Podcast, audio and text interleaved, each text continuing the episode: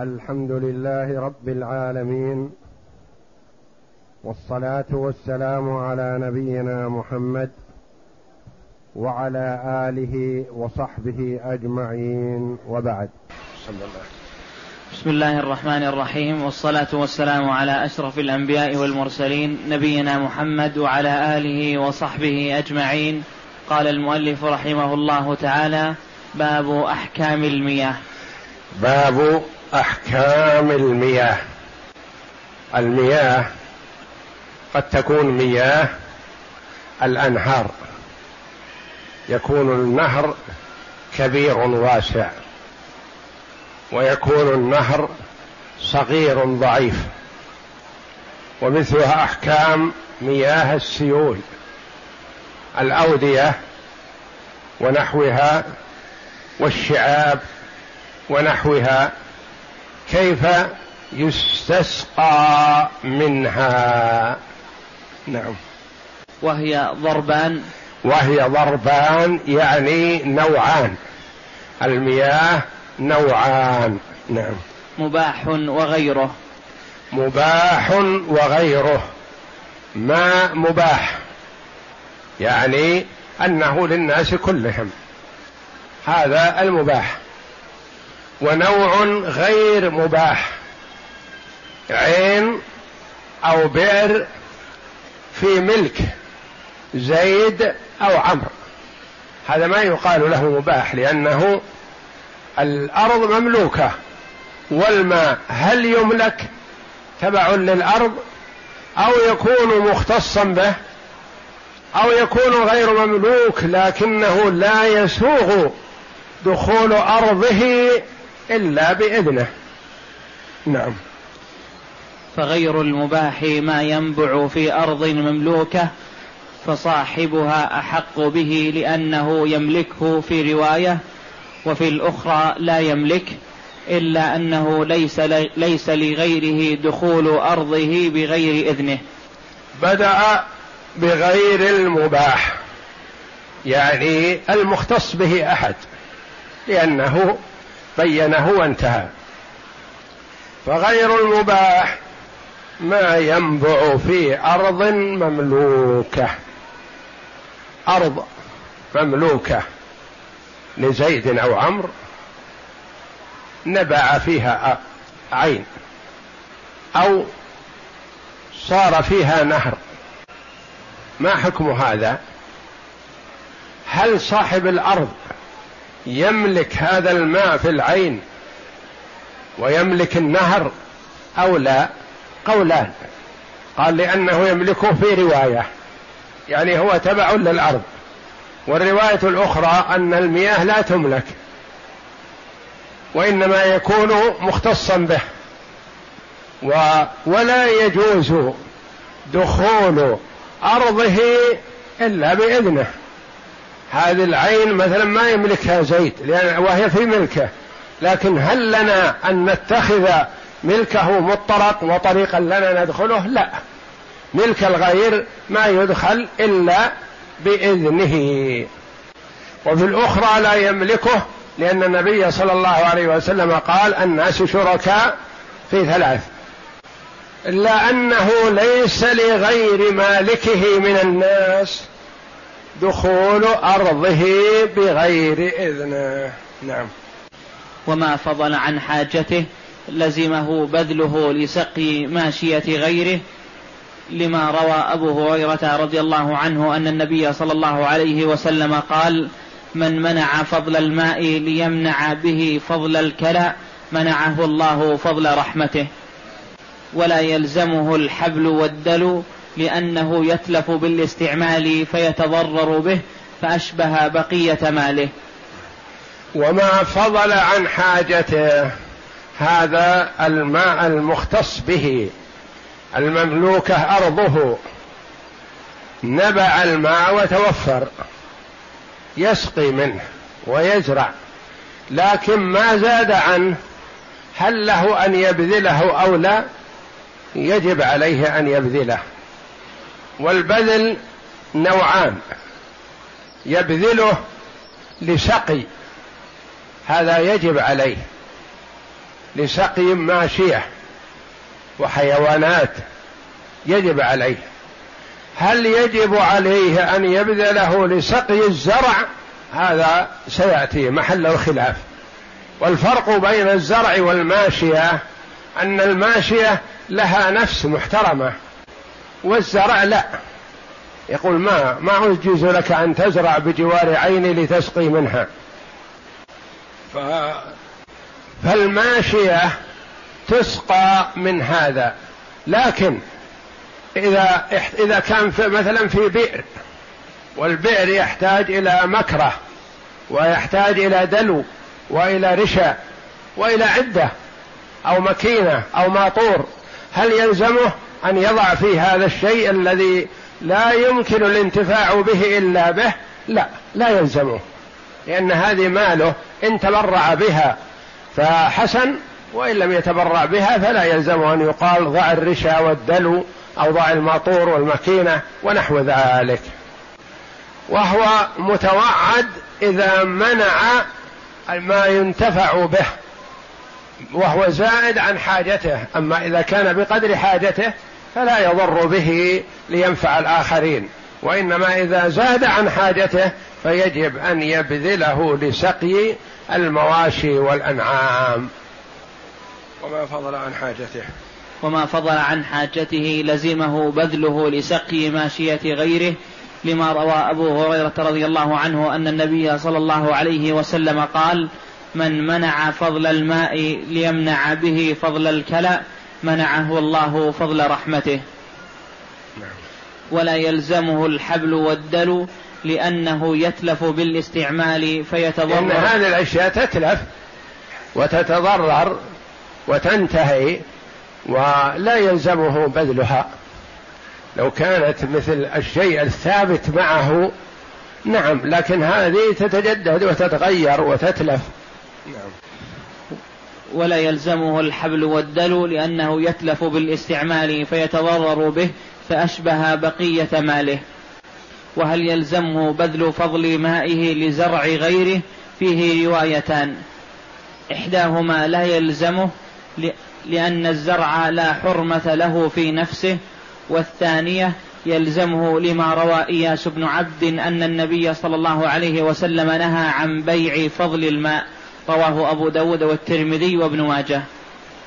قلنا يلزمه لسقي ماشية غيره لكن هل يلزمه لسقي زرع غيره؟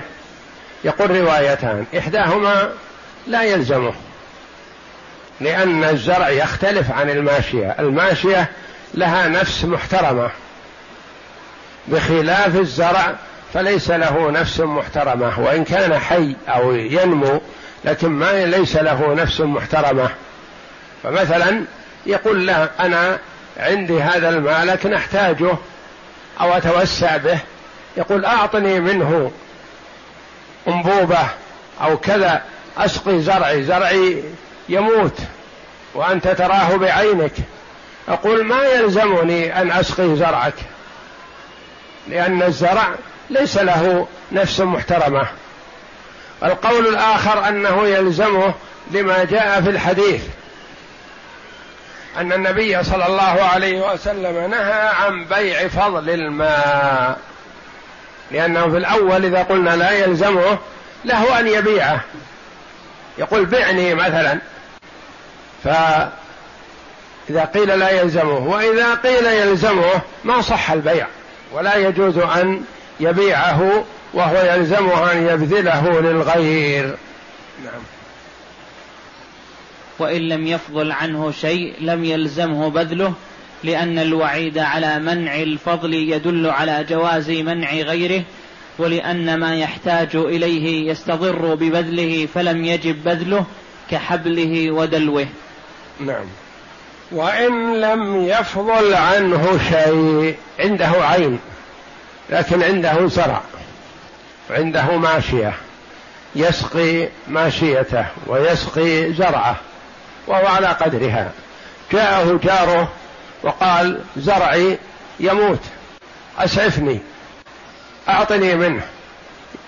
يقول هل ما على قدر حاجتي؟ ما عندي زود فلا يلزمه أن يعطيه ما دام أنه ليس عنده زيادة فلا يلزمه أن يعطيه لأن النبي صلى الله عليه وسلم توعد من منع الفضل. وأما من منع ما هو محتاج إليه فليس بمتوعد بوعيد. يقول حاجتي مثل حاجتك وأنا أولى بمالي. فلا يلزمه البذل من غير الفضل. الضرب الثاني. ومثل بحبله ودلوه يعني الأشياء الخاصة به المملوكة للرجل. هل يلزمه أن يعطيها من يريد أن يزعب أو يمتح من هذا البئر؟ ما يلزمه. يقول أنا آذن لك في أن تأخذ من الماء لكن أحضر دلوك معك وأحضر رشاك معك وأحضر مكرتك معك وجب استعدادك واسحب من الماء. أنا آذن لك في الماء ولا يلزمني أن آذن لك باستعمال بقية مالي. الضرب الثاني الماء النابع في الموات. هذا هو المباح. ذاك غير مباح. هذاك غير مباح. فإن كان عنده شيء زائد فيلزم بذله للماشية. وأما غير الماشية فقولان. يلزم بذله والرواية الأخرى لا يلزم بذله. فإذا كان لا يلزم بذله فله أن يبيعه. إذا لم يلزمه بذله فله أن يبيعه. وهذا الضرب الثاني الذي هو الماء المباح الذي ليس مختصا بأحد وليس في أرض أحد وإنما هو في أرض موات أو في جبل أو في نهر عام أو نحو ذلك. نعم. الضرب الثاني. الضرب الثاني الماء النابع في الموات فمن سبق إلى شيء منه فهو أحق به لقول النبي صلى الله عليه وسلم من سبق إلى ما لم يسبق إليه مسلم فهو أحق به. هذا سبق إلى هذه العين وبدأ يأخذ منها فهو أحق بذلك. ولا يقام منها أو يبعد عنها ما دام أنه سبق إليها فهو يسقي منها حسب حاجته. نعم. وإن أراد أن يسقي أرضا وكان الماء في نهر عظيم لا يستضر أحد بسقيه جاز أن يسقي كيف شاء لأنه لا ضرر فيه على أحد. نعم. وإن أراد أن يسقي أرضا وكان الماء في نهر عظيم. مثلا الأنهار تختلف. نهر عظيم كبير. ما يضر السحب منه كنهر دجلة والفرات والنيل وغيرها من الأنهار الكبيرة المشهورة. جاء رجل أراد أن يسحب منه شعبة جدول نهر ماسورة ليسقي أرضا بعيدة. فهل له ذلك؟ أو يمنعه الناس الواردون على النهر. نقول لا يخلو. إن كان السابقون يتضررون بسحب هذه الشعبة فلهم منعه. وإن كانوا لا يتضررون فليس لهم منعه لأن فيه لأنه لا ضرر عليهم في هذا. ولهذا قال فرق بين النهر العظيم والنهر الصغير. نهر صغير عليه مزارع يمين وشمال ويسحب منه أهل المزارع. جاء شخص من فوقهم كلهم أراد أن يشعب منه شعبة أو يسحب منه بمكينة كبيرة تؤثر على النهر. يقول له أهل النهر قف يا أخي. تخطم على الماء أمامنا وتسحبه عنا؟ لا. نحن نزلنا هنا وزرعنا هنا على أساس نستقي من هذا النهر ولنا اختصاص فيه منذ سنوات. وأنت تأتي وتريد أن تسحبه عنا ما يمكن. هذا إذا كانوا يتضررون. أما إذا كانوا لا يتضررون كما إذا كان نهر كبير وأراد أن يشعب منه شعبة أو يأخذ منه جدول أو يسحب منهم ماسورة كبيرة ويوديها مسافة كيلو أو أكثر فلا بأس بهذا ما لم يحصل ضرر على الآخرين. وإن أراد أن يسقيه. وإن أراد أن يسقي أرضا وكان الماء في نهر عظيم لا, لا يستضر أحد بسقيه.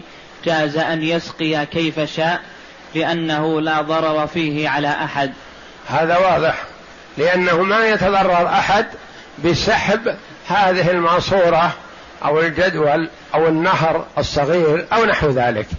فيؤذن له في هذا ولا يعترضه من تحته. نعم. وإن كان نهرا صغيرا أو من مياه الأمطار بدأ بمن في أول النهر فيسقي ويحبس الماء حتى يبلغ الكعب ثم يرسل إلى الذي يليه وكذلك إلى الآخر. لما روى عبد الله بن أبي بكر بن عمرو بن حزم أنه بلغه أن رسول الله صلى الله عليه وسلم قال في سيل مهزور ومذينب يمسك حتى ومذينب. مهزور ومذينب. واديان في المدينة. نعم. أن أن رسول الله صلى الله عليه وسلم قال في في سيل مهزور ومذينيب يمسك حتى يبلغ الكعبين ثم يرسل الأعلى إلى الأسفل. أخرجه مالك في الموطأ. وإن كان نهرا صغيرا النهر فيه نهر ماشي ليل نهار لكنه ضعيف وعليه مزارع تسقي. جاء شخص أمام المزارع هذه كلها وسحب منه شعبة أو ركب عليه ماطور أو مكينه تسحب كثير من الماء فلمن تحته أن يوقفه؟ يقول لا تأتي تخطم علينا وتأخذ الماء عنا ونحن نتضرر بذلك فيمنعونه لأن من سبق إلى مكان هو احق به. أما هذا يأتي بعدهم ويسحب الماء عنهم فلا يؤذن له في ذلك. ومثل هذا مثلا مياه الأمطار. مياه الأمطار تأتي في الوادي ثم هذا الوادي يكون فيه شرج يتقاسمه أهل المزارع الذي ينزل إليهم. لكل واحد شرجة يعني قسم من هذا. فيأتي واحد من أعلى فوقهم. يريد أن يسحب ماء هذا الوادي كله ليسقي به ارضا بعيدة. هل يؤذن له في هذا؟ لا. لأنه يختم على الماء ويأخذ ما اختص به أولئك. فيمنع من هذا سواء كان النهر صغير أو كان مياه أمطار موسمية تأتي أحيانا. فيأتي مثلا يسحبها أو يحفر حفر يكون أنزل حتى يتوجه الماء إليه مع هذا الوادي فلا يؤذن له في ذلك لأن في هذا إضرار بالآخرين وهم أسبق منه. وإن كان نهرا صغيرا أو من مياه الأمطار النهر الذي يمشي باستمرار ومياه الأمطار التي تأتي وقت المطر. بدأ بمن في أول النهر فيسقي. ويحبس الماء حتى يبلغ الكعب. فإذا كانت المزارع مثلا متوالية أول ثاني ثالث رابع وهكذا وجرت العادة والعرف على أن الأول أعلى فهو يختم على الماء ثم يرسله إلى الذي يليه ثم الذي يليه. كيف هذا؟ إذا تنازع فيه أهل المزارع هذه المتسلسلة. يقول خله يمر عليك مثلا وأرسله لا تحبس. وهو يريد أن يحبسه ذراع حتى تروى الأرض ثم يرسله إلى من يليه. يقال لا لا هذا ولا هذا. احبس الماء حتى يبلغ الجدر. يقول الراوي نظرنا إلى الجدر فوجدناه بقدر الكعب. بقدر الكعبين يعني كعبي الرجلين. يقول احبس الماء حتى يرتد بعضه على بعض ويبلغ في هذه المزرعة يغطي الكعبين. فإذا بلغ الكعبين أرسله إلى من بعدك. ثم الذي بعدك هكذا يسقي ثم يرسله إلى من بعده وهكذا لحديث الزبير الآتي رضي الله عنه.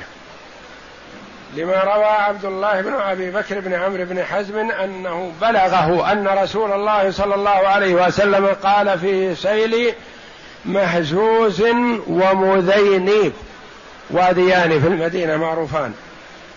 يمسك يعني الأعلى حتى يبلغ الكعبين ثم يرسل الأعلى إلى الأسفل. نعم. وعن عبد الله. وعن عبد الله بن الزبير رضي الله عنهما أن رجلا من الأنصار خاصم الزبير في شراج الحرة التي يسقون بها فقال النبي صلى الله عليه وسلم اسق يا زبير ثم ارسل الماء إلى جارك. فغضب الأنصاري وقال أن كان ابن, ابن عمتك؟ فتلون وجه رسول الله صلى الله عليه وسلم ثم قال يا زبير اسقي ثم احبس الماء حتى يرجع إلى الجدر. متفق عليه. فعن عبد الله بن الزبير بن العوام رضي الله عنهما أن رجلا من الأنصار خاصم الزبير في شراج الحرة. الزبير والد راوي الحديث عبد الله بن الزبير. والزبير له مزرعة هناك له نخل. والأنصاري له نخل بعد نخل الزبير. فكأن الأنصاري طلب من الزبير أن يرسل الماء مباشرة يمشي على أرضه ويرسله ولا يحبسه. فأبى الزبير إلا أن يحبسه قليلا ليسقي زرعه وأرضه. فخاصم الأنصاري الزبير إلى النبي صلى الله عليه وسلم. هو المرجع في المدينة عليه الصلاة والسلام. فالنبي صلى الله عليه وسلم أراد اولا الصلح والا يحكم حكما صارما بين الجيران حتى تبدأ وتستمر المودة بينهم والإلفة. فقال يا زبير أسق يعني أسق نخلك وزرعك ثم أرسله إلى جارك فقال احبسه. فالأنصاري رضي الله عنه تأثر وظن أن هذا حكم وهم مناسب. فقال يا رسول الله أن كان ابن عمتك إن الزبير ابن صفية بنت عبد المطلب فأم الزبير عمة الرسول صلى الله عليه وسلم. فهو حواري رسول الله صلى الله عليه وسلم وحبيبه وابن عمته. وقد قال عليه الصلاة والسلام بشر قاتل الزبير بالنار. هذه من علامات نبوته صلى الله عليه وسلم. أخبر أن الزبير يقتل ما يموت على فراشه. ولما جاء قاتل الزبير يبشر علي يظن أنه يبشر علي بقتل الزبير لأنهم بينهم خصومة. فقال سمعت رسول الله صلى الله عليه وسلم يقول بشر قاتل الزبير بالنار. يعني ما أنت موفق. قتلت الزبير فأنت متوعد بالنار. الزبير أحد العشرة المبشرين بالجنة وهو حواري رسول الله صلى الله عليه وسلم. وهو الفارس فارس رسول الله صلى الله عليه وسلم غالبا. إذا احتاج الأمر إلى الفرس فالزبير لها رضي الله عنه وأرضاه. وقد بشره النبي صلى الله عليه وسلم بالجنة. وجعل له عمر رضي الله عنه الخلافة مع الستة الذين توفي رسول الله صلى الله عليه وسلم وهو عنهم راض. فهو له فضل وسابقة في الإسلام رضي الله عنه. فالأنصاري رضي الله عنه تأثر من هذا وقال أن كان ابن عمتك يا رسول الله فتلون وجه رسول الله صلى الله عليه وسلم. استكبر هذا من الانصار استكبرها أن يتهم الأنصاري النبي صلى الله عليه وسلم بأنه حاف مع الزبير وهو المعصوم صلوات الله وسلامه عليه. وهو القائل لو أن فاطمة بنت محمد سرقت لقطعت يدها وهو الذي لا تأخذه في الله لومة لائم عليه الصلاة والسلام. تلون وجه رسول الله فقط ما تكلم على الأنصاري ولا قال له شيء وإنما تغير ما تحمل هذه الكلمة.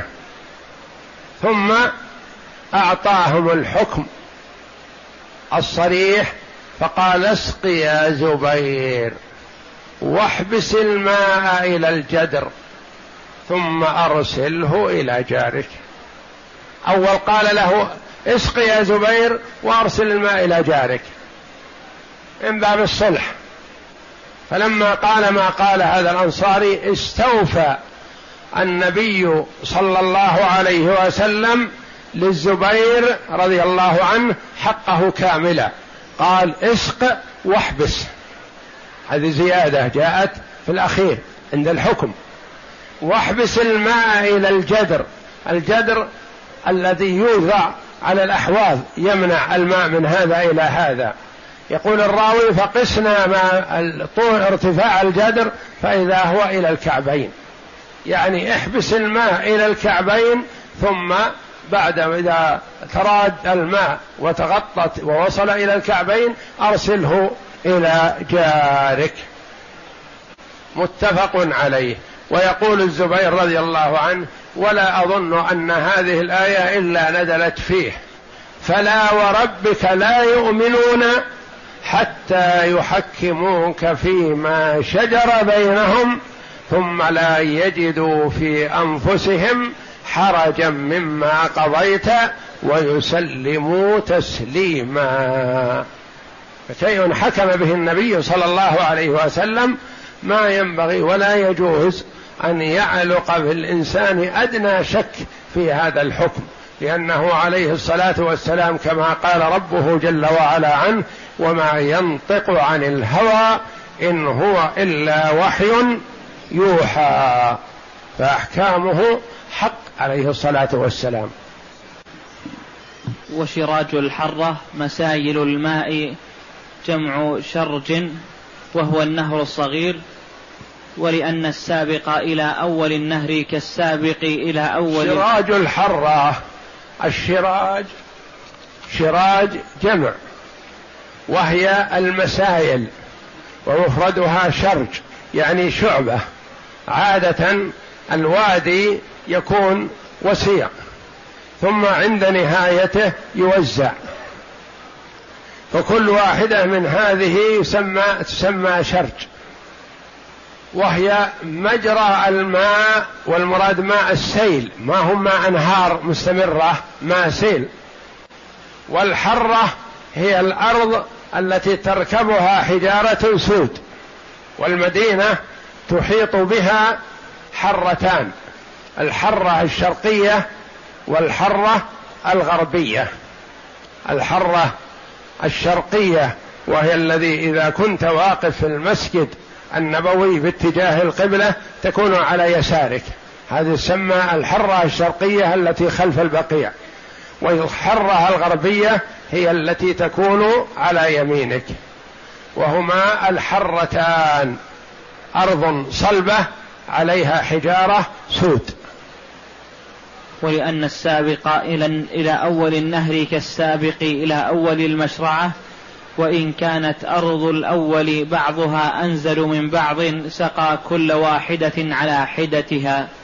نعم لأن السابق الذي يلي النهر أحق بالسقي ممن بعده لأن كل ما كان مقدم متقدم فهو أولى. لكن إذا كانت الأرض مثلا مدرجات يسقي حتى يبلغ الماء إلى الجدر في أسفلها مع أعلاها. قالوا لا هذا يكثر فيه الماء ويستغرق ماء كثير وإنما يكون كل مسطح على حدة يحبس الماء في هذه حتى يبلغ الجدر ثم يرسله إلى الأرض التي تليها ثم يحبسه حتى يبلغ الجدر ثم يرسله إلى التي تليها حتى ويحبسه حتى يبلغ الجدر ثم يرسله إلى من يليه من بعده فإن أراد إنسان إحياء أرض على النهر بحيث إذا سقاها يستضر أهل الأرض الشاربة منه منع منه. لأن من ملك أرضا كانت له حقوقها ومرافقها واستحقاق السقي من هذه من هذه النهر من حقوقها فلا يملك فلا يملك غيره إبطاله. وإن أراد إنسان إحياء أرض النهر. يعني مثلا النهر هذا ماشي أو الوادي مثلا وعليه مزارع قديمة. جاء شخص إلى أعلى النهر أو أعلى الوادي وأراد أن يشعب منه شعبة ويأخذه لأرض يحييها. يقال له لا.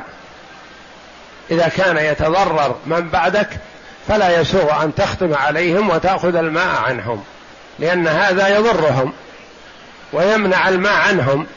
وهؤلاء ملكوا الأرض وملكوا مرافقها ومنافعها. ورودها على هذا النهر ليس ملك وإنما هو مرفق من المرافق ومصلحة من المصالح. وربما يكون دفع فيها غالي الأثمان لأنها ترد على هذا النهر أو ترد على هذا الوادي.